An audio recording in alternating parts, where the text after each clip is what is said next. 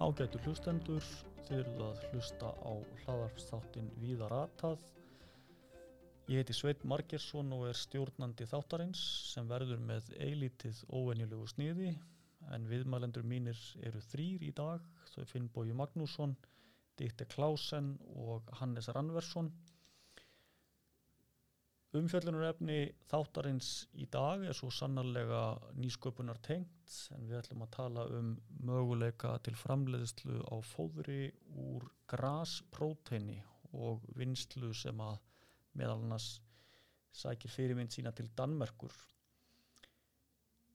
Mjög áhugavert verkefni sem að gæti meðal annars komið inn sem tækifæri fyrir svína og kjúklingabændur en jafnframt fyrir aðra bændur á Íslandi.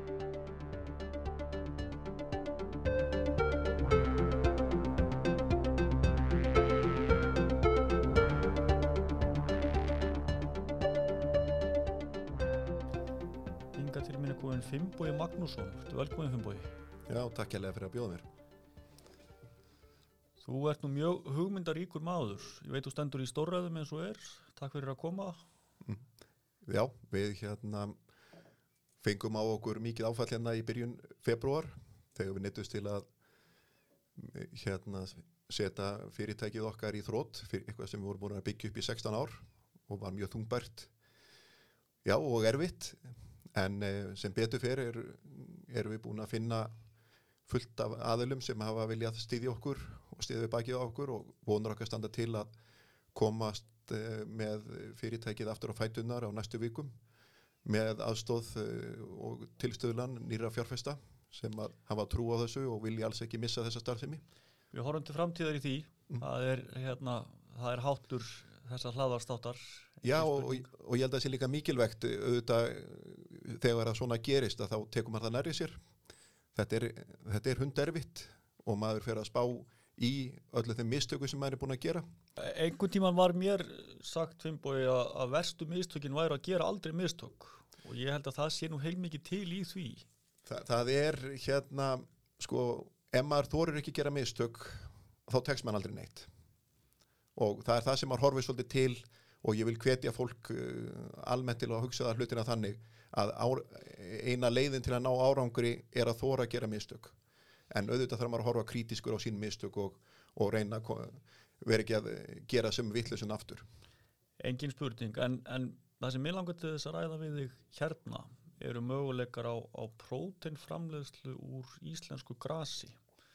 Og það er nú kannski bara rétt að nefna það, ég er nú svona pínu að misnota mína aðstöðu, ég er nú verið að vinna þetta með fleirum, með þér og, og Ditte Klásen hjá ráðgjáðamestu landbúnaðarins og, og Hannes í Rannversinni sem að er verkvæðingur og svona í samstarfi bændarsamtöku Íslands líka. Próteinframleðsla úr íslensku grasi. Gríða, hvað er þetta? Gríðarlega spennandi tækifæri fyrir íslenska landbúnað að mínu viti. Og sem, eitthvað sem ég er afskaplega stoltur af að hafa uh, komið svona eða náða við ekki aðtegli fólks á. Bakgrunnin kannski liggur í að fyrir rúma ári síðan að þá tók ég að mér eftir spjall við hérna, hlöðvervinn minn á Björgum að búa til einhvers konar uppkastað auðlindagarði í, fyrir þá þingeinga og það sem har verið að horfa út fyrir kassan og horfa þau tækifæri sem að læju í landbúnað á því svæði núna á þessum breyttu tímum sem við erum að horfa á og, og ég er á þeirri skoðun að við séum bara rétt að horfa í, í fyrstu skrefina þeim breytingum sem framöndan eru. En allavegna þarna fór maður að horfa á þessar auðlindir sem þarna eru til og, og þar beindist hugum að það er mikið til að grasi þarna og það er mikið til að orku, reyni orku, reynu vatni og um, hérna útráð því spannst þessi hugmyndum auðlindagarð sem hefur svo tekið nokkur skrifu áfram í, í höndum góðra manna.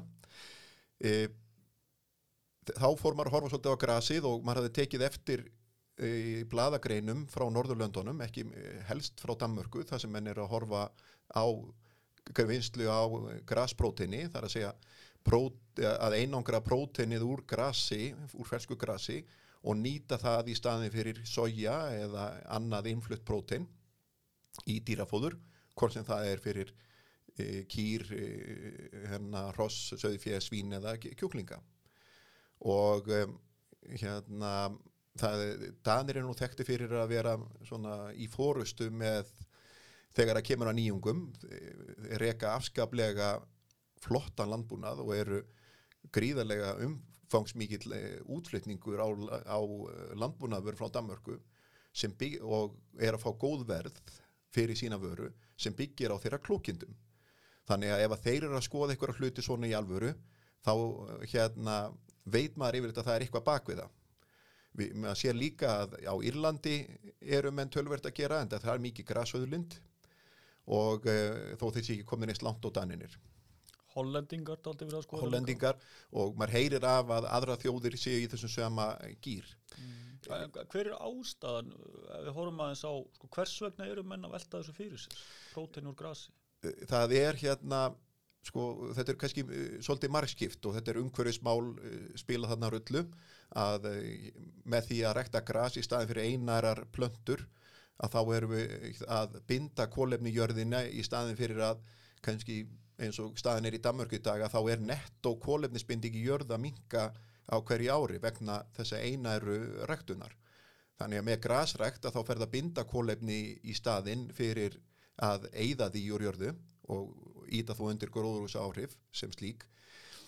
En stór hlut af þessu er líka aukin áhigi þjóði kringum okkur á sínu fæðuröki og draga úr innflutningi á hérna hvort sem það er dýrafóður eða manneskufóður eða hvaða er bara til að tryggja sín, eh, sína þjóð betur.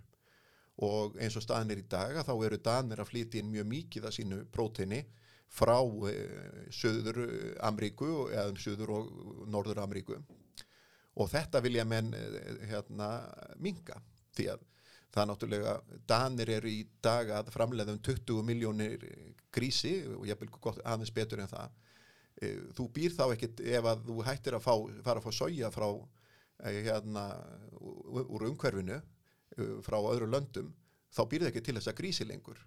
Og þá er bara einni stóð úr dansku hagkerfi kipt undan. Því dansku landbúnar skiptir danst hagkerfi gríðarlega miklu. E og við erum að, við erum að sjá eins og sko dansku landbúnaður er í raun bara kannski álíka við mikilvægur fyrir Danmörku eins og fisk eh, hérna auðlindin fyrir Ísland. Og, og þá auðvitað bæði í þessu má segja beina efnagslega tilliti og þá fæður ekki út frá fæður ekki sjónamiðan Já, ég segi þetta er náttúrulega gríðarlega tekjulind og bara og stór þáttur í þeirra hérna, þjóðaframlegslu en síðan er það þessi grunnþörf að geta uh, metta sína þjóð mm. sem er hinleikurinn Og inn í þetta spilaðu þetta umhverjusmálinn má segja bæði beint eins og þú nefndir áðan en kannski óbeint líka hugsanlega aukinn skattlagning á flutninga og, og annað stygt eða hvað? Já, seg, mér finnst að við séum að upplifa sko, alveg nýja tíma í svo mörgu í dag. Vi, við erum að horfa á að fólk er eh, farið að velta fyrir sér náttúrulega eh, umhverju spóri eh, þeirra matvæla og, og fólk er að gerast veganistar eða hluta vegan og, og svona hitt og þetta. Fólk er að skoða hluti og ég held að það sem hefur verið, gott og gilt undanferðin 20-30 ár þurfum við í raun að eða, því verði kollvarpað á, á næstu, næsta áratug eða tveimur. En ef við horfum nú á breyta neysluhægðun skiptir hún ekki með mjög miklu máli í þessu samhengi líka? Jú, það er, sko, fólk gerir í dag, eða fólk, þessi meðvitundum upprunna matvæla og hvernig það búið til og slíkt. Þetta þetta hérna opnar alveg nýja möguleika og ef við horfum til hérna eins og bandaríkjana að þar er hérna gríðalegu vöxtur í, í hérna eða ekki eftirspunni eftir matvælum þar sem að uppbrunni matvælun er þekktur þar sem að matvælun er búin til í þeirra nærumhverfi og við erum að tala um að á einhverjum tíu árum hefur þessu kaka stækkað úr í kringu 5 miljardum eh, bandaríkjadólara í 12-14 sem segir að það er með treföldun á 10 árum. Þetta er bara eitt af þessum merkjum sem við sjáum að fólk er, það er meðvitund, fólk vil vita hvaðan hlutinni koma og þau vil fá það úr sínu nærumhverfi og þau séu framleitir á sem umhverfisvænastan hátt og síðan kemur þetta náttúrulega þjóðaslegin í þetta með þjóðar og öryggi og, eða matvæla öryggi og slíkt sem er þá áhugi stjórnvalda á þessum en svolítið á sama hlutnum. Mm -hmm. En kannski fjárfesta líka í þessu samhengi hvað maður segja, aukin eftirspurn hækkar, hækkar í rauninni arsemismöguleika og þar með möguleika til fjárfestinga í svona staðböndum keðjum. Já, það er það, er það sem er svolítið, gerir þetta spennandi að um leið og menn eru fannir að búa til vöru þarna sem að fólk hefur trú á og sé eitthvað sérstök eða öðru vísi að þá er allt í einu verðminn á þeirri vöru en allur annar að sko þú getur keift hérna, þú ert kannski tilbúin að borga þrefalt meira ef, fyrir kíló lambakjöti ef þú hefur ákveðna samfæringu fyrir hvernig að það sé gert á hátt sem þú ert sáttu við samanborið við eitthvað lambakjött sem er bara búið til svona á eitthvað meðalhátt. Þetta er hérna við erum að tala um allt aðrar vittir þegar það kemur að, að svona hlutum og auðvitað sjá fjárfestar e, þetta sem tækifæri og áhugi menn á að fjárfesta í matvæla framlegslu almennt sem hérna og sem bara veri sem arðsaman fjárfestingu hann er að auka skriðarlega mikið En ef við horfum að þess að þetta svona út frá hinnum íslenska neytanda mm. sem er nú er og verður megin eftirspurnar hluti íslenskar landbúnaðar framleiðslu skiptir þetta einhverju máli fyrir íslenska neytundur? Er ekki íslensk landbúnaðar framleiðsla bara öll mjög fín og, og mun ekki fólk líta á hvað maður segja, íslenska framleiðslu alveg sama hvernig hún verður til? Ég held að íslensk framleiðsla sé að mörguleiti mjög fín og í alþjóðlegu samanbörði klálega í góðum gæðum. En samt sem áður er þrátt fyrir að vera á þessu stað að þá er okkur ekki að takast að fá að ég vil segja ásættilega verð fyrir þessa framleiðslu. Og það þýðir að það er eitthvað í myndinni sem ekki er að ganga upp. Út af ef við erum með, með toppvöru þá eigum við ekki að send, selja hana á hérna, verði sem er bara með einhverja meðal eða, eða lélega vöru þannig að ég held að vandi eitthvað þannig inn getur, þetta getur líka verið bara að kynna hlutina betur en ég held líka að þessi klálega fullt af hlutum, svona minni hlutum sem við í íslensku landbúnaði getum, getum skoðað og, og þurfum að skoða. Og hérna og ég vitna tölvert í þegar við erum að tala um þessa hluti í stöðu sjáurútveksins fyrir 40 árum þá voru við að fiska einhver reyðinabíst en seldum þetta svona meira og minna sem lélega vöru og sem hálfgett gúa nú oft á tíðum spáðum mjög lítið í hvernig við fórum með vöruna. E, fiskurum var jafn hreitn og hann er í dag og, og hérna jafn náttúrulegur. Síðan allt í einu koma þannig að kvótakerfi og á þess að, ekki, að þá þurfum við að fara að hugsa hlutin öðruvísi og ekki það ég sé eitthvað talsmaða kvótakerfi sem slíks en það nettir menn til að fara að hugsa öðruvísi. Og í dag er þessi sami þoskur og var kannski 100 krónar verði í kílóið fyrir að núverði fyrir 40 árum að fara á 500 krónur. Alveg sami þoskurinn. En, bara, en við erum að ná hæsta skílaverði heiminu fyrir kíló að þoski. Út af því að það er ákveðin ímynd í, í kringum þessa vöru. Mm. þetta er það sem okkur vantar tölvirt í landbúnaðinum að við eigum alveg sömu tækifæri. Það er ekki munur á kíló á lampin okkar og þoskinum eða þessu leiti, við erum bara ekki hérna búin að finna þannig þennan takt eða komin á þennan stað. Það hérna og einn, einn af þeim þáttum sem að spilar þannig inn í og, og tengist áhuga mínu fyrir grasverkefninu svo mikið er að við erum að flytja einn gríðarlega mikið að ráefnum fyrir okkar landbúnað. Ráefnum sem við vitum oft á tíðum ekkert mikið um hvaðan kemur mm. við vitum bara að þetta er flutti hérna inn og, og uh, þeir sem að vinna við að gera örgla sína vinnu á vel og, og slíkt en sem hérna ef ég veri kúabóndi þá myndi ég mjög lítið vita hvaðan 50% kannski af því heldarfóðri sem ég er að gefa er að koma það kemur bara einhver staðar úr, úr hérna, Amríku eða Evrópu eða Rúslandi eða hvað veit ég það, það, e, þetta likur ekkert fyrir og, og svo er umræðinu erðabreitt og ekki erðabreitt sem að menn geta verið að diskutera. En ég held að núna í, í framtíðin ef við ætlum að lifta íslenskri matvælaframlegslu upp á herra plan að þá þurfum við að taka á þessum hérna rót vandans eða þannig að við þurfum að þekkja keðjun allar leið, það er ekki nóg að við vitum að að lampið hafi gengið upp á einhverju fjalli eða upp, á einhverju heiði eða að hérna nöytið hafi verið aðlið á að við þurfum að geta sínt fram á að all keðjan sé í lægi og með sem minnstu umhverfisboru og sem minnstum umhverfis áhrifum og, hérna svo er viðskiptatækifærið í þessu annað.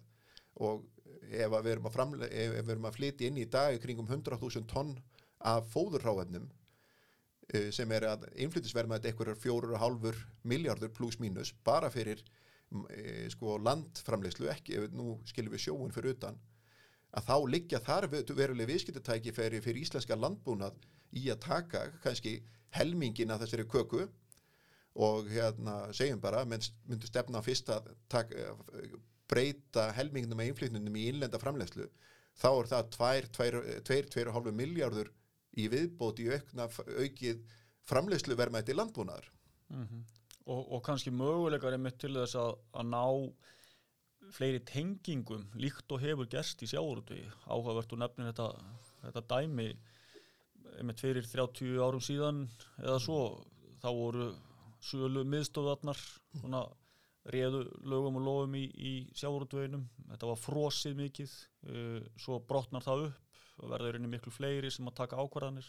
Fleiri leiðir farnar í nýsköpun förum yfir í fest, tryggjum gæðin miklu meira svona samstarf og svona sambland hugmynda má segja. Er þetta eitthvað sem þú sér fyrir að gerist í kringum græspróten?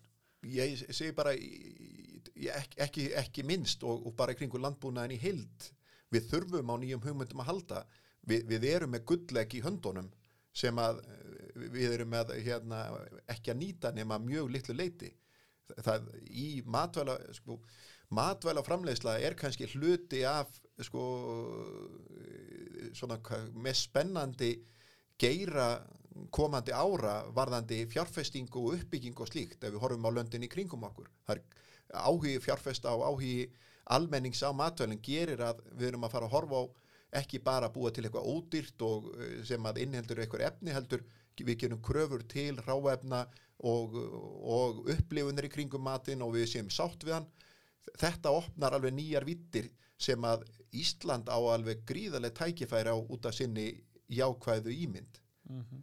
og við horfum á þess á, á ráefnin sem eru fyrir hendi þú mhm. nefnir mm. uh, þennan innflutning Já. svo er þá eldi á, á sjáardýrum, sérilegi lagsi er, er að aukast, það krefst líka uh, fóðurs Já. sem er þá líka innflutt að, að miklu leiti mm -hmm. uh, þarna liggja vantanlega einhver tækifæri, hvað með hreinlega munum við sjá að þínu mati matvöru byggð á graspróteini mögulega til, til framtíðar? Sko, ég held að það sé ekkit fjari lægi og, og eitt af því sem að við í landbúrunum lítum stundum á sem óknun en er ég að fram tækifæri er samfram þessi meðvindund að þessi aukni veganismi sko, hérna, við eigum að leggja okkur fram við að framleiða vöru fyrir þessa veganisma fólk á ekki að þurfa að fara hérna út í búð og, og kaupa einhverja frostnar influtta vörur með, sem að það trúir kannski að sé allt í lægi en það veit kannski sára lítið um. Þetta, þarna er alveg gríðarlegi möguleika fyrir okkur og hérna gras, jú, menn hugsa bara um grasi skeppnufóður en ég á góðan vinn sem er kokkur norri í Skagafyrði á hérna á hofstöðum. Hann hefur verið með grassúpu á sínu matseli og var það í nokkur ár reyndar ekki núna en uh, þetta svín virkaði hann fóð bara út á sumurinn á mótnan og klifti svolítið gras og, og bjóti súp og fólki líkaði vel.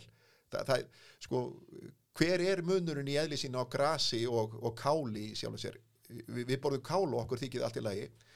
En fyrir okkur er grasið bara eitthvað sem við horfum á sem fæða fyrir skeppnur en feskgras getur alveg gengið í matvæli eitthvað leiti en síðan með þessa prótenvinnslu úr grasinu, það sem er raun grasið er og það er, er kreistúð í safin og, og safin er svo unnin e, áfram niður og, og prótenið í honum einangrað og við raun bara búið til prótenduft. Þetta duft er ekkert síðra heldur en e, hérna misuduft eða undarönnuduft eða eitthvað svona sér ráefni í matur og opnar alveg nýja og spennandi möguleika með þeirri reynleika og feskleika ímynd sem Ísland hefur. Mm, og kannski líka í samhengi við annað sem að svona aðra gerð tækni sem hefur verið notuð mitt mikið í sjárutu í líftæknina Já. og það er auðvitað ein, má segja, önnur leið til að brjóta niður mismunandi efni og, og setja saman á, á nýjan, nýjan hátt, svo Og- og, þegar við nefnir sjávarútvegi þannig uh, bara við getum svo, lært svo margt á sjávarútvegnum og, og, hvað, og því ferli sem þeir hafa fæði í gegnum og hvernig þeir hafa í sinni vöru þróun fundi leiðir til að hámarka verðmæti sinna vöra en við erum líka með fullt af ráfni þar sem geta nýst okkur með þessu graspróteinum eða hverju sem við erum að gera til að þróa innlendar, eða, eða innlenda framleiðslu á þá vörum sem eru kjattfóður í gildi sem koma þá í stað fyrir influtt uh, kortmeti og uh, prótein. En er ekki í rauninni meira og minna öll hráefni nýtt í sjáurútvegi nú þegar? Eða eru, eru tækifæri Þetta að vísa til slóksins eða hvað er það sem þú átt að velta fyrir þér? og sjávarúturinn hefur náð gríðarlegum hérna, árangri í að bæta nýtingu síns fráefnis og er að nýta fiskin að flestu leit í dag. En við erum til dæmis með slógið sem er vissulega er uh, spennandi uh, hérna hráefni sem er vannýtt í dag en uh, án þess að geta sagt að þetta sé eitthvað bollengið þá, þá er þetta eitthvað sem er spennandi að skoða og þróa áfram en uh, hérna og, og uh, rannsaka til fullnustu En þú nefnir einmitt rannsóknir. Nú eh, held ég með alveg segja það að við okkur skortir kannski ákveðna þekkingu til að geta fullirt um, um það hvort að prótinvinnsla á grasi sé hagkvæm uh, og kannski ákveðna forsendur. Flutningur hefur auðvitað áhrif, uh, gengi krónunar hefur áhrif, áburð á magn, hversu mikinn áburð þú þart, verð á áburði og, og annað slíkt. Og svo auðvitað eh, upphæð eh, fjárfestingarinnar skiptir máli þarna ásamt ímsu fleiru. Hvernig, svona ef að þú fengir alveg að ráða hvernig myndir þú taka næstu skref hvað þetta varðar? Er, er það þess virði að skoða þetta áfram? Og hver væru næstu skref og þú fengir alveg að ráða þessu ég held að sko það er, þetta er klálega það félagst í þessu gríðarlega tækjafæri og þetta er kannski svona eh, við erum að opna þannig kannski dyr í, til nýra tíma fyrir íslenska landbúnað með að, eh, að komast með þetta lengra. Og ef við horfum til Danana hvað það, það sem þeir eru að gera eh, nú eru þeir búin að rannsaka þetta þeir eru búin að setja upp tilunavesmiður þeir eru að tala um að gera til dæmis eh, þeir eru í alveg búin að vera að skoða með að gera borgundarholm að sjálf, sjálfbæri einingu varðandi prótein og þannig að þar vinnið er prótein sem er nýtt í þeirra kúa og svínabúskap og kjúklingabúskap á, á, á þeirri eigu þannig að þar verið svona bara lokað hagkerfi getur við sagt. E, ef að eh, daninir sjá að það sé peningur í þessu og þeir tala um að, að grasprótein geti hugsanlega eða, eða, eða já, hugsanlega geti orðið þeirra næsta gullegg og uh, margir hafa mjög mikla trú á því að það er gríðalegi peningar settir í þessa rannsóknir þar í dag. En ef að Danir telja það uh, raumuruleikan þá er ekki spurning að þetta, uh, að þetta er stórt tækifæri fyrir okkur því að jú, vissilur er minni uppskeru en Danir en landverð hjá okkur er, er, er miklu lagra og orkan sem þarf til að búa til prótenduftið er miklu miklu ódýrari þannig að í- ég tel það bollegjandi að í þessu séu viðskiptatækifæri. Er, er Það- markaður fyrir þetta á Íslandi? alveg, sko, við erum að flytja inn um 100.000 tonna fóðurhráðumnum af því eru vantilega ykkur 30-40.000 tonna af próteini í dag sem er soja sem kemur frá óskilgrindu stöðum. Þannig að þó við getum fram, farið að framleiða mikið af því án þess að við, þurfum, hérna, við förum verulega að minka þá köku og búa til þá hérna, tekjur í, í sveitunum. Þannig að, að eh, prótein úr grasi gæti jafnvel verið já, komið inn á markaðin sem ný afurð má segja. Uh, þar sem bændur næðu að, að halda framleiðni þá með kjartfóðurgjöf sem byggði á íslenskur háfnum en, en jafnvel marka sér ákveðna sérstöðu á sama tíma Já, sko, við erum að horfa á ef, í grunninn þegar að í þessari grasprótin vinslu að þá erum við að tala um að menn taka feskgras um, le, um það leiðu það slegið, kreista það og þá kemur þessi prótein safi úr sem er svo þurrkaður og búið til úr því próteinduft en eftir verður á bænum hratt sem að er verðmætt sem fóður og hugsanlega gæti verið spennandi grunnur í grasköklum með þá einhverjum öðrum ráöfnum sem, að, sem kemur þá í staðin fyrir kjattfóður á því búi pluss það að búið er að, bú, er, er að selja frá sér prótensafa sem fer svo til, dæmis til svína eða kjúklingabænda. Og ef þú, ger, ef þú getur ekki nota þetta grasrætt sjálfur þá getur þú selta annað. Og, og þetta er einn af uh, hérna uh, einn af þessum spennandi vinklu. Þetta er bara svipað eins og að vera í heisölu eða kottrækt eða einhverju uh, slíku. Þannig ertu í raun bara að nýta landið til tekna Mm -hmm. Nefna hvað þú ert í rauninni að vinna þetta svona í tvo fasa sem að annar fasin væri orðin mun minna rúmmál, einfaldari að flytja. Já. hinn fasin ratið væri, væri í rauninni hvað maður segja, svona aðeins fór unnið hei ef að hægt er að segja sem svo.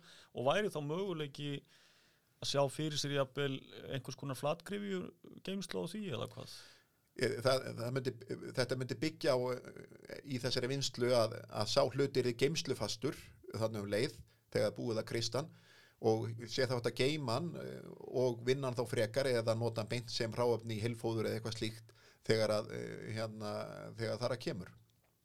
Nú, hérna, mér hefur sjálfum þótt mjög gaman að, að bæði að vinna með mitt ungum verkfræðingi, honum Hannesi, sem að, sem að hérna, nálgaðist innflutningstölurnar svona hraustlegan hátt, Mhm. fór beint í að skoða það og eins með rákjöðamistu landbúnaðarins, henni Ditte. E, hún tengdi verkefni strax við Seges í Danmörku sem að einmitt er í, í líki hlutverki hvað, hvað þessar svona þessar þróun varðar þar. Mhm. E, þar er áhugi á samstarfi til framtíðar. og ég, sem ég held að við eigum að nýta okkur og ég er alveg viss um að það er víða áhugi á samstarfi og, og hérna gagvart þessum hlutum og það sem við gleymum oft uh, hérna, eða hefum ekki sint eða ég veit ekki hvernig, kannski nákvæma skýringun á, en staðan í dag er þannig í heiminum að, og ekki síst í Evrópu að það er gríðarlegum fjármunum varið á hverju árið til rannsókna uh, á alls konar nýsköpun.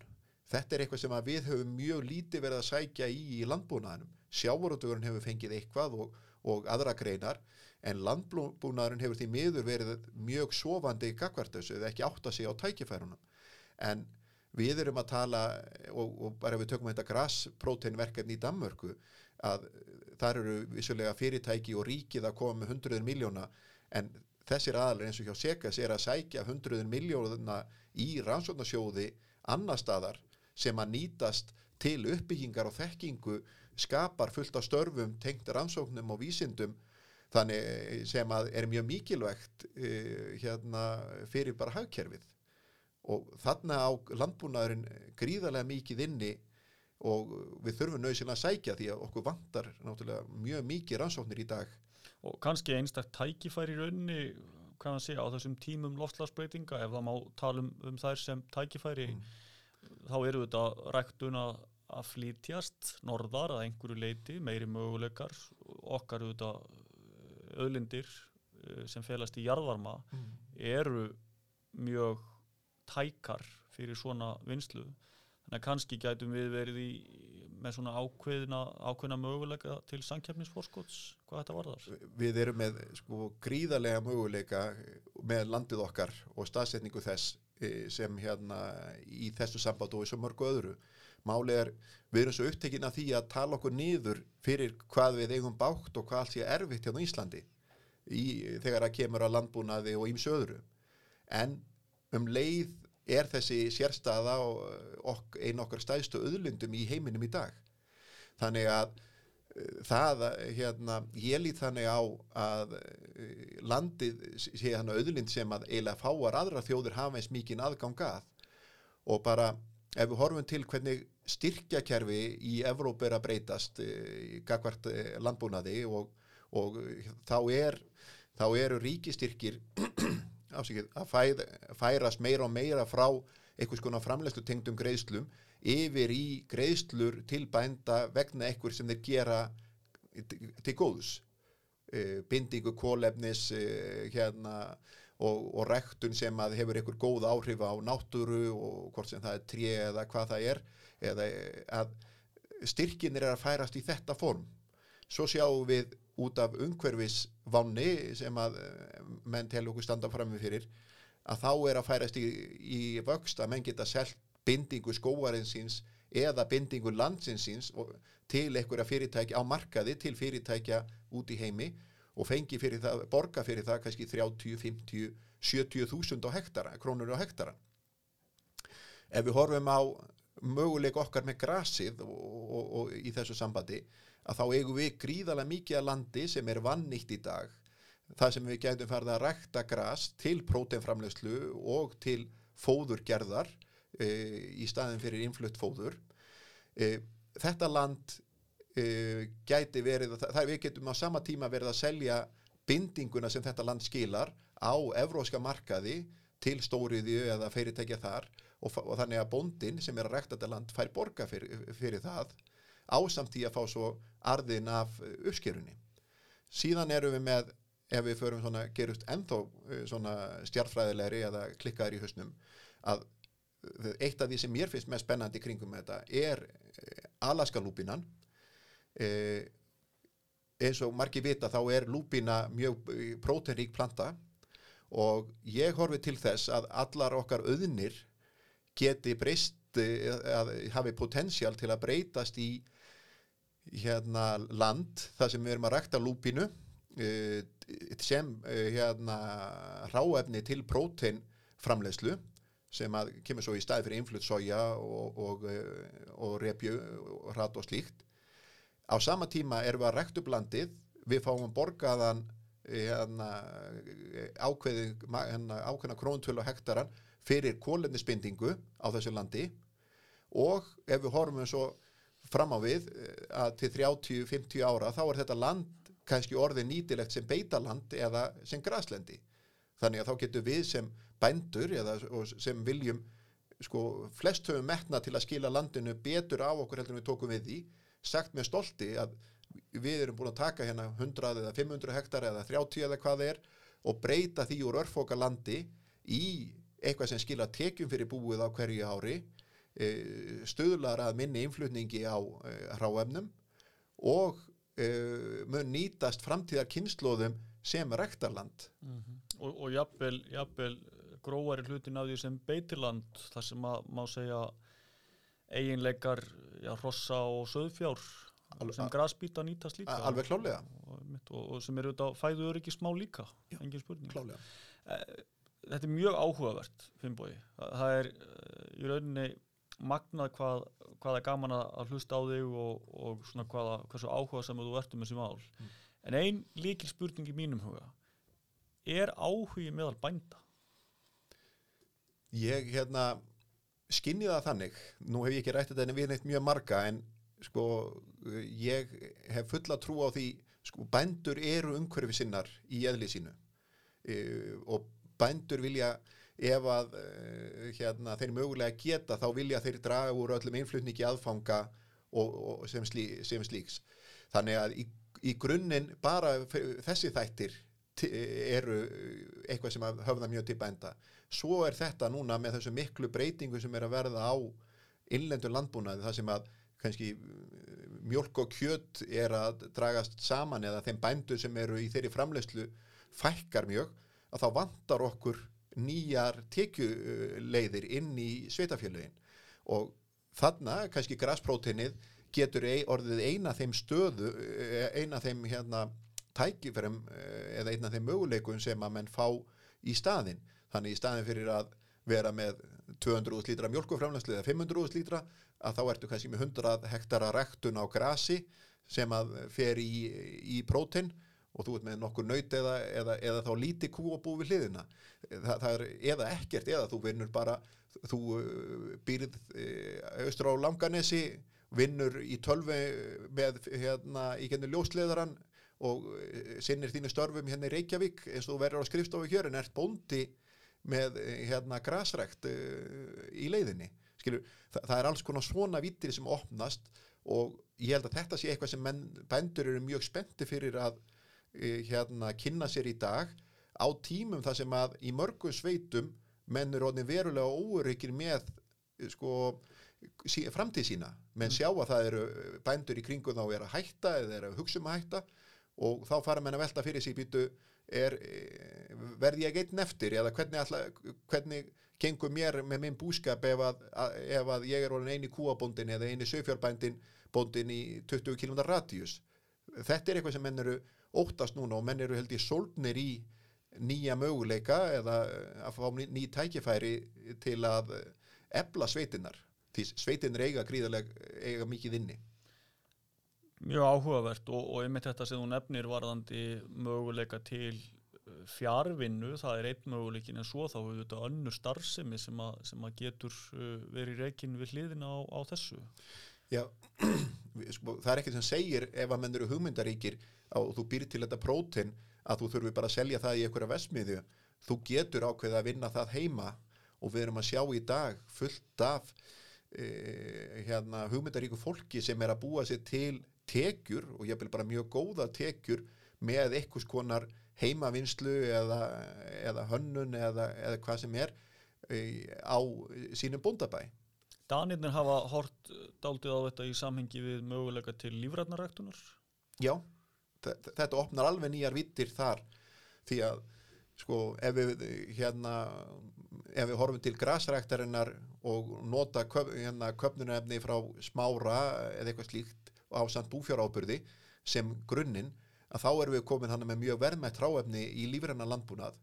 Og þó við teljum okkur og, og teljum okkur geta fyrir rauk fyrir að íslensku landbúnað sé mjög hreitt þá er hann ekki lífrænt kákvæmt þeim stöðlum, ekki almennt þeim stöðlum sem að viðgangast þannig að eh, hérna, þetta er eitt af þeim mjög jákvæðu skrefum sem að við getum stíið til að búa til, fara að búa til meira lífrænt fóður sem geti nýst til aukina lífræntna framlegslu.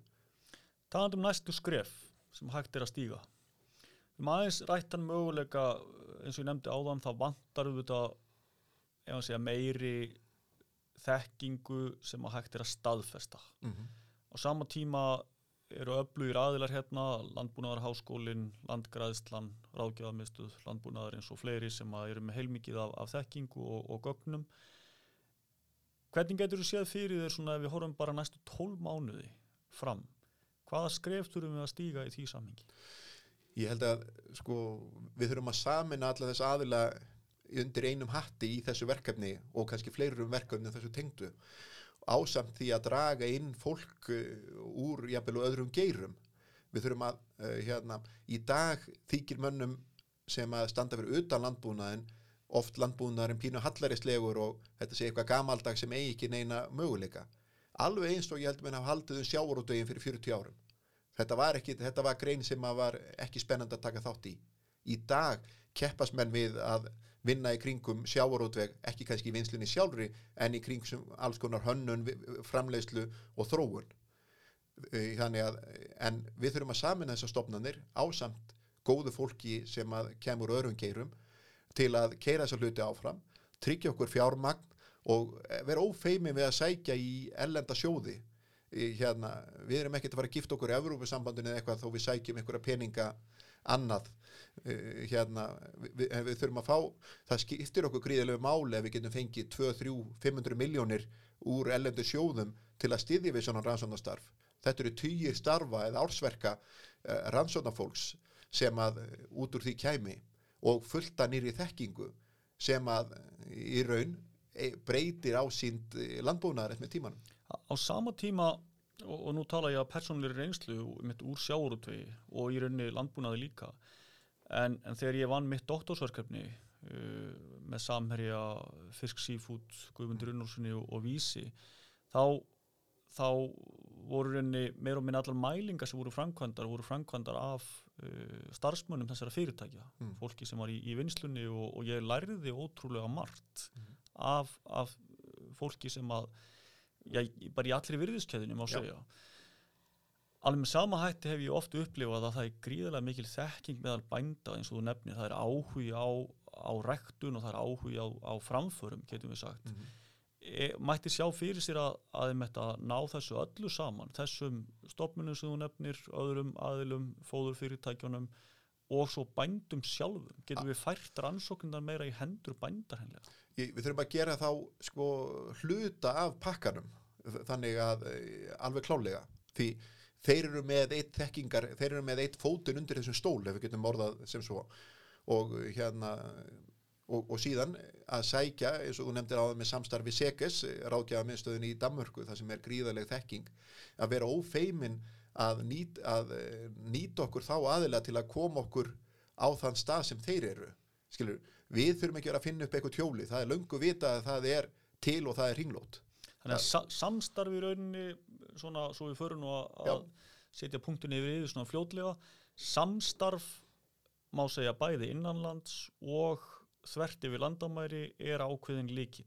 Bara á víðum grunni, samstarf á víðum grunni er algjör líkil og hvort sem það er í þessu eða öðru að þá er það fórsenda til að ná árangri og hraðum árangri. Og kannski mitt í því samhengi þá, þá er rétt að benda á kynningu sem að var búin til e, svona með ákveðnum niðurstöðum og, og hugmyndum út úr þessu verkefni e, þar sem að mitt er, er lagt upp með hugmyndum. Svona litla tilraun getur við sagt sumari 2020 þar sem að við værim að sapna meiri upplýsingum þá bara beint frá bændum og að nýta gögg sem eru fyrir hendi. Bændur auðvitað hafa verið að framkvama til að mynda próteinmælingar í hegi og, og mælingar á, á heifeng í langan tíma. Og þannig eru auðvitað ákveðin öðlind sem að um að gera að nýta sem best. Ég held að við hérna við þurfum að sapna þessu gögnum, bæði búa til ný gögn og, og, og, og vinna úr þeim sem til eru og fá til þess doktorsnema eða meistara námsnema e, hérna, sem eru í háskólunum hérna, ekki bara í landbúnaháskólunum, heldur líka bara í hinnum háskólunum. Og hérna og það er mjög mikilvægt að fá hann tilröðin strax í sömar til að við getum svona fækka þessum óvísu þáttum e, varðandi okkar aðstæður. Vi, við vitum að Eh, nú þegar að við höfum með ímist tækifæri við þekkjum ekki ákveðan hluti sem geta haft heilmikið áhrif á vanleika þessara verkefna við þurfum að ná utan um það og hérna sem allra fyrst þannig, því að því fyrr getum við svo ákveðið hversu mikla áherslu við viljum leggja á þessa eh, hérna vinslu í, í, í framtíðinni? Mjög áhugavert. Ég ætla að fá að taka þér kærlega fyrir komuna Finnbói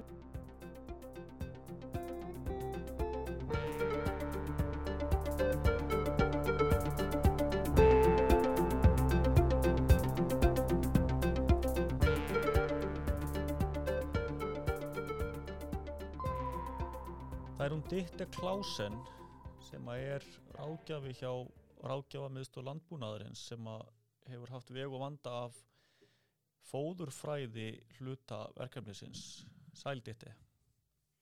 Sæl Sveig. Þín, þín tengsl uh, við háskólan í Orhus, þú ert mentu þaðan ekki satt? Jú, það er rétt.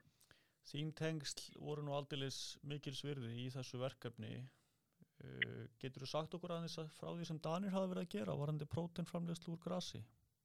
Já, það var nú einlega uh, svolítið fyndið sko að því ég gerði lokaverkefni að hjá þessu fólki sem var að byrja á að skoða prótenvinnslu úr grassi þannig að ég náttúrulega talaði við þau bara strax og, og, og var eiginlega búin að sjá hvað þau voru að gera hérna í upphafi á rannsóknstofunni en það sem var verið að kanna það er sko nýtingu á prótein úr grasi þegar maður er búin að hérna, pressa grasinu og vinna úr því próteini.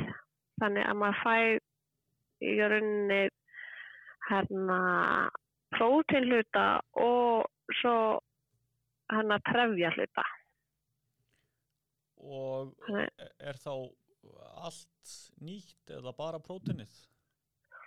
Sko það er hort á að nýta þetta allt saman og prótinnið er hugsað fyrir einmagadýr eins og kjúklingar og svín og rannsókn hafa komið bara vel út eins og er.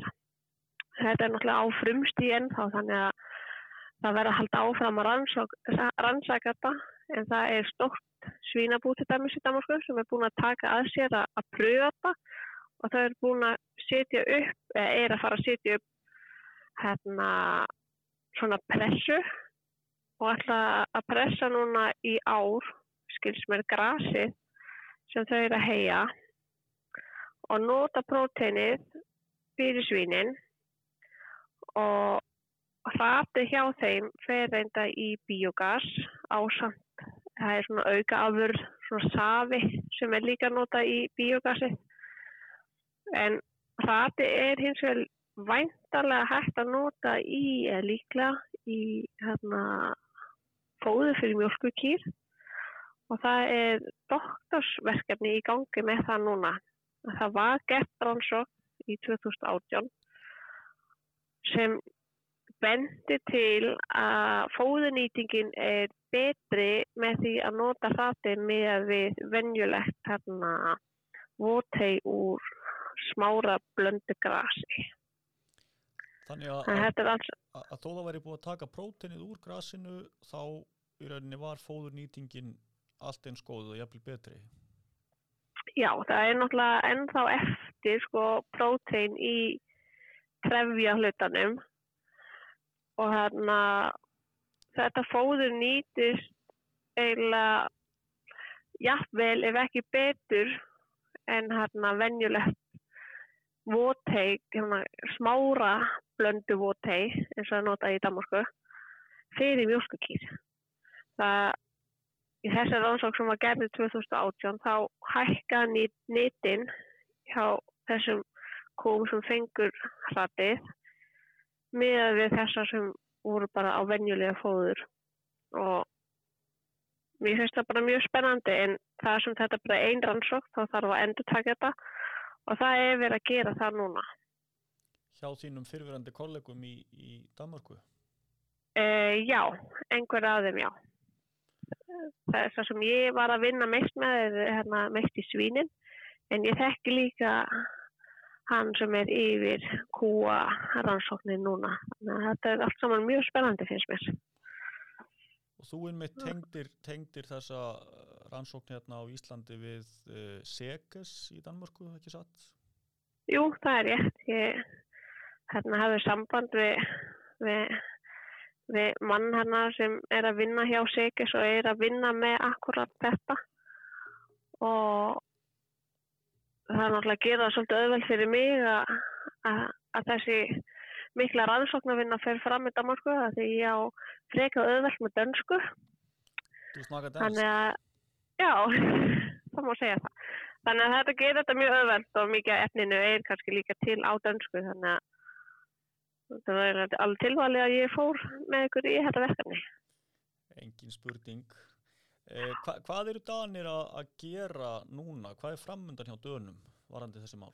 Segi, þetta doktorsverkefni sem er í gangi það er hérna það er það sem er í gangi á hérna fyrir mjölkukýr en svo er líka sko fara að skoða eða á að skoða hvort það sé hægt að nota það til fyrir svín að því að með við næðinga efna samsetningu í þattinu þá ætti að vera mögulegt að nota þetta fyrir svín líka og jafnvel kjúklinga um, þannig þetta er allt eitthvað sem þarf að rannsaka áfram ásamti að skoða hvort að það er hægt að nýta þessi auka afur sem fer núna bara í biogas, hvort það sé hægt að nýta hann í eitthvað annað líka hvort það sé hægt að vinna hann eitthvað betur að því það er einhver prótein í honum líka þannig að maður náttúrulega vil reyna að draga sem mest prótein út úr þessu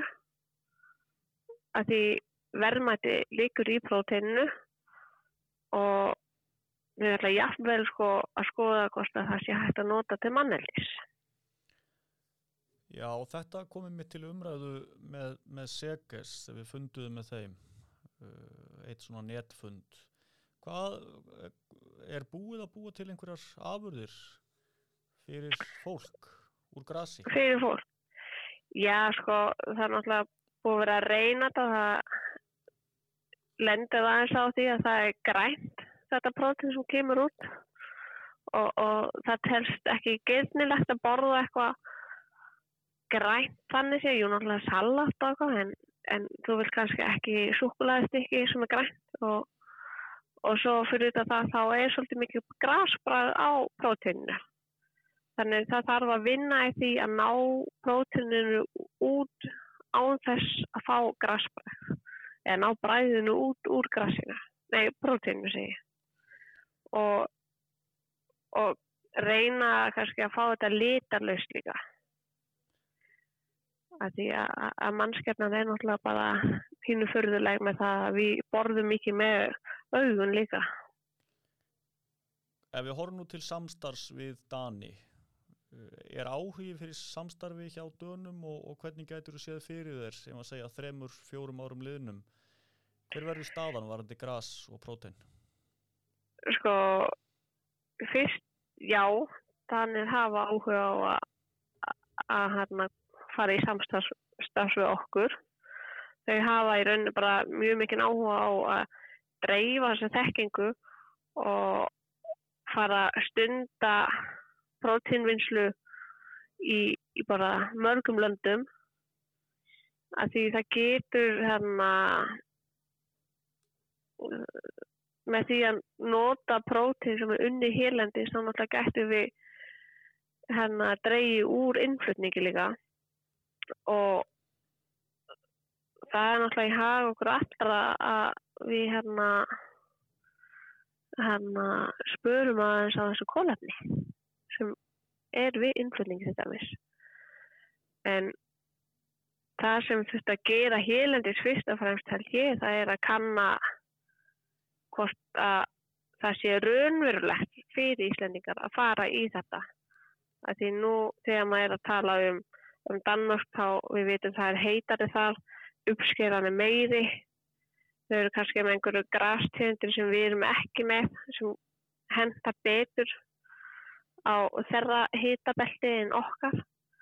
Þannig þetta er eitthvað sem þurftu að skoða fyrst og fremst áður en maður fer inn í eitthvað stókt verkefni. En hins vega ef maður vil skoða þetta til manneldist þá held ég sko Íslandingar hafa nú verið svolítið framalega á hana meðinni með það, með þekkingu um hérna prótein til manneldis frá dýraríkinu og, og það væri kannski hægt að nota þessu þekkingu líka hérna í kringum grasprótein, ég veit ekki. En ég held, ég held að sé grunnvöldu fyrir samstarf og en, en eins og ég segi það þarf að kanna og möguleikana á þessi grasarættun á Íslandi og þetta sé nægilegt. Mjög áhugavert þetta. Ég held að við, að við látum lokið umræðinu um fóður hlutaverkefnisins og snúum okkur að öðrum þáttum. Takk fyrir þetta. Takk svo með.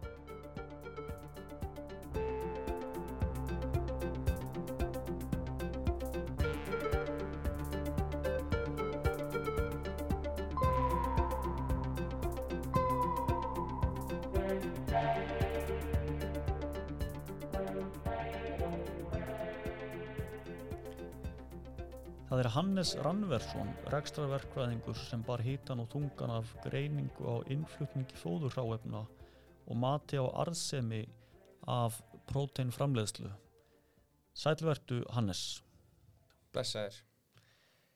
Þú varst að skoða heilmikið innflutning á fóðurráefnum. Já, ég hérna, fór í að skoða innflutningin og reyna svona svolítið að koma staði í uh, já, bara hversu mikið og, og, hérna, og hversu mikil verðmæti væru í þessum innflutning. Og uh, ég sagt, skoðaði bara tölur sem að ég gæti nálgast frá hagstofinni í kningum þetta. Þetta var svona smá handavinna að kom, koma þessu öllu saman og hérna en tókst á endanum og, og ég tel svona að ég sé komið nokkuð góða hugmyndum hversu mikið er flutt inn til uh, fóðugerðar. Og hversu mikið er það? Hversu mikið flytjum við inn af, af fóðurháfnum á Íslandi í landbúnaði? Já, til nótkunni í landbúnaði. Uh, eins og staðan er núna erum við að flytja inn rúmlega 100.000 tonn árlega og he, það hefur verið svona svolítið þannig síðustliðin uh, já, síðustliðin ár og þetta eru innflýningsverðmæti eða SIF verðmæti upp á uh, fjóran og hálfan miljard þannig að þetta er alveg slatti af innflutning Já, er, nú ert þú uh, rekstrarverkvæðingur úr háskólum í Reykjavík, ekki satt? Jú, Ertu vanur landbúnaðaransóknum þaðan? Nei, ég get ekki beint sagt það sko. þetta er alveg svona algjörlega, algjörlega nýtt nýtt fyrir mér að að, hérna, koma inn í landbúnaðin sko. ég er svona dagstæðilega er ég í sko í uh, verktakabransanum í hérna uh, ég er semst að vinna fyrir byggingaverktaka þannig að þetta er svona svolítið nýtt af nálinni sko Já, það er kannski rétt að hlustendur bara fá að vita það að við mitt hittumst í veistlu sem að var nú, já, fyrsta grænmetis veistlan sem ég held að ég hafi haldið. Já, það er svona má segja kannski að vera svolítið viðeigandi við hefum kynst í í svona, já, vegan visslu það sem við erum að, að reyna hérna, að rannsaka þetta, þessa framleiðslu á þessu vegan prótini já, græs prótein. Nú, ef við horfum á, á þennan innflutning, þessi 100.000 tonn, þá má segja að það sé markaðurinn fyrir kjartfóður eða svona mótið þann markað. Værum við eitthvað að nálgast uh, þessa framleiðslu, þennan, þennan innflutning uh, með því að framleiða prótein úr grasi á Íslandi? Serðu það fyrir þér? eins og staðan er núna þá væri þetta einungis viðbót við það sem er fluttinn eða tel ég að mista kosti en það er svo sem aldrei að vita í, í komandi framtíð sko, hvernig þetta verður uh, já, ég meina bara hvernig uh, verð og bara þetta eftir að þróast í rauninni á, á innfluttum hráfnum En í öllu falli væri, væri markaðurinn fyrir hendi, má segja, þó væri farið í, í talsverða fjárfestingu og, og framleiðslu á, á próteini úr grasi. Já, ég tel að markaðurinn væri væri fyrir hendi. Já, ég tel það En ef við skoðum arðsemina á grasprótein framleiðslu á Íslandi, svona ef við horfum aðeins á, á næmnigreiningu á slíkri arðsemis aðtugun, hvað skiptir mestu máli upp á vænta arðsemi? Sko, það sem að skiptir uh, mestu máli eða þetta er því alltaf viðkvæmt fyrir sko það eru svona aðalega fjóri þættir sem við komumst að sem væri þá uh, flutningskostnaður sérst á, á grassinu uh, eftir það er slegið og í, í framleiðsluna sjálfa eða pressunina. Uh, það væri gengi krónunar uh, svo væri það ábyrðamagn sem er svona kannski já, menn eru kannski með misjafna skoðinur á hversu mikið þarf raunulega að nota af ábyrði og, og það geti uh, já, vegið alveg mikið í sérst, kostnaðinum við hvern slegin hektara og síðan er það í rauninni bara mm, já, upphæð, upphæð fjárfestingreinar í rauninni sko, hversu, hversu mikið þetta þólir sko. Og þá í rauninni hversu mikinn tækja búna þarf og, og annað stýrt. Já, akkurat Og á hvaða verð bíli eða svona á hvaða bíli er slík fjárfesting að þínu mati? sko eins og uh, ég setti þetta upp sem að var svona svolítið miða við uh, danskar í rauninni á eða forsendur frá hérna dönskum rannsóknum þá myndi ef þú væri með sérst 400 hektara landsvæði sem þú gætir uh, slegið og, og hérna, nota það til framleiðslunar þá miða við um, svona í versta í versta falli þá myndi þetta þóla fjárfestingu upp á 70 miljónur íslenska króna Mm. Og þá ertu að miða við að, að þetta væri bara á sama verði eins og innflutt hvað? Já, akkurat en nú eru önnur fóðurháefni flutt inn uh, og, og nýtt uh, jafnvel upp í fiskimjöl og það er til lífrænt soja. Hvar myndur þú telja að, að svona grasprótein úr íslensku grasi gæti leið hvað verðmæti varðar þá í rauninni uh, er ég búinn að styðjast aftur við þessa dönsku rannsóknir og þeir þeir hérna þeir vilja meina það að þú getur bo- eða í rauninni sko já, flokka þetta sem það sama rauninni og uh, lífðarænt soja þetta sé mjög sambarlegt prótenmagn og, og svo framvegis mm -hmm. Ef við lítum nú á þær forsendur uh, verð eitthvað svipað eins og, og lífrænt soja og, og aðrar forsendur varðandi uppbyggingu á svona framleiðslueiningu svona í einhverju meðalagi hvernig, hvernig myndi arðseminn líta út í því tilviki? í því tilviki já arðsemin þetta væri hún væri jákvæð en já en við ekki bara segja sem svo að afkoma væri hún væri jákvæð en hún væri ekki, ekki sérlega mikil þetta, þetta kæmi svona kannski bara út á, á nulli cirka Hannes, nú ert þú talsvert yngri en ég. Ég er að vera miðaldra, þú ert ungu kynsluðinni fættur 95 Já. það er nú talað um að, að þín kynsluð sé með talsvert breyttar neysluvenjur miða við, ef að segja mína kynsluð og hvað þá það sem að koma undan. Já, svona framleiðsla, gras, prótein úr, úr íslensku grasi myndi þetta skipta máli í þessu samhengi neyslubreytinga já ég tel að þetta myndi skipta einhverju máli en þó þetta myndi kannski ekki uh, tökum sem dæmi uh, fólk sem er já, kýsa að vera vegan. Þetta myndi kannski ekki, ekki skipta þau neinu máli per se sko. En, en uh, eins og hefur verið rætt þá, þá eru er náttúrulega möguleikar á því að þetta þetta grasprótein geti verið notað til manneldis mögulega. Og þá, já, þá náttúrulega skiptir þetta bara miklu máli sko og geti verið bara mjög ná til fólks sko. Mm og, og jafnvel þá þeirra sem að eru svona e, hafa gengið hvað lengst í því að, að færa sig inn á þessa vegan línu Já. segja. alveg klálega sko Já, það var þetta áhugavert en svona í stærra samhenginu við lítum á þetta út frá þjóðhagslegt samhengi e, við flytjum verulegan hluta okkar fóðurháfna inn í dag e, við gætum byggt upp við hliðin á einflutningi svona gras, prótein framleiðslu mögulega að nýta aðrar e, öðlindir líka Já. e, segjum sló e, sem er ekki nýtt í dag e, önnur ráefni segjum brauð sem er, er ekki nýtt uh, og fleira og fleira. Hvaða hagsmunni sægir þú í þessu fyrir, fyrir Íslendinga svona til lengri tíma?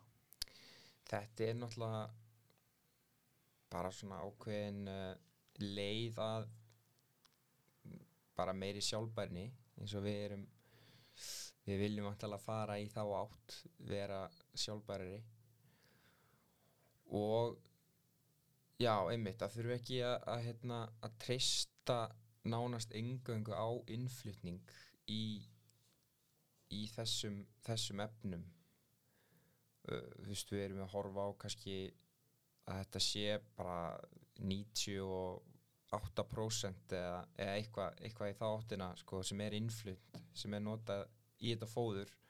Þannig að maður sig alveg sko, veist, ég meina segjum sem svo að, að hérna, innflutningstollar myndi allt í einu hækka, hækka greiðlega eða hérna krónan veikjast mikið sko, þá, þá erum við þá erum við hérna já, í rauninni mjög há þessu. Það geti þá bara haft slæm áhrif sko.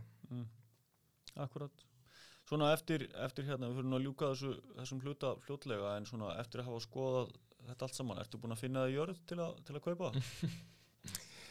Nei, reyndar ekki, en hérna, ég fer kannski bara að huga að því. Ég þarf kannski að fara hérna, kíkja með þér eitthvað eitthva norður og, og þú getur rálat mér, rálat mér aðeins. Það er aldrei að vita. Áhuga samir um að fá Hannes til að, til að hérna, skoða jarðakaup, þau geta haft samband. En að því sáðu þá ætla ég að þakka þér Hannes kjærlega. Já, takk sem ég leis. Og ykkur hlustendur góðir, þakka ég áhyrnina á hlaðarstáttin Víða Ratað. Ég heiti Sveit Margersson og byrð ykkur vel að lifa.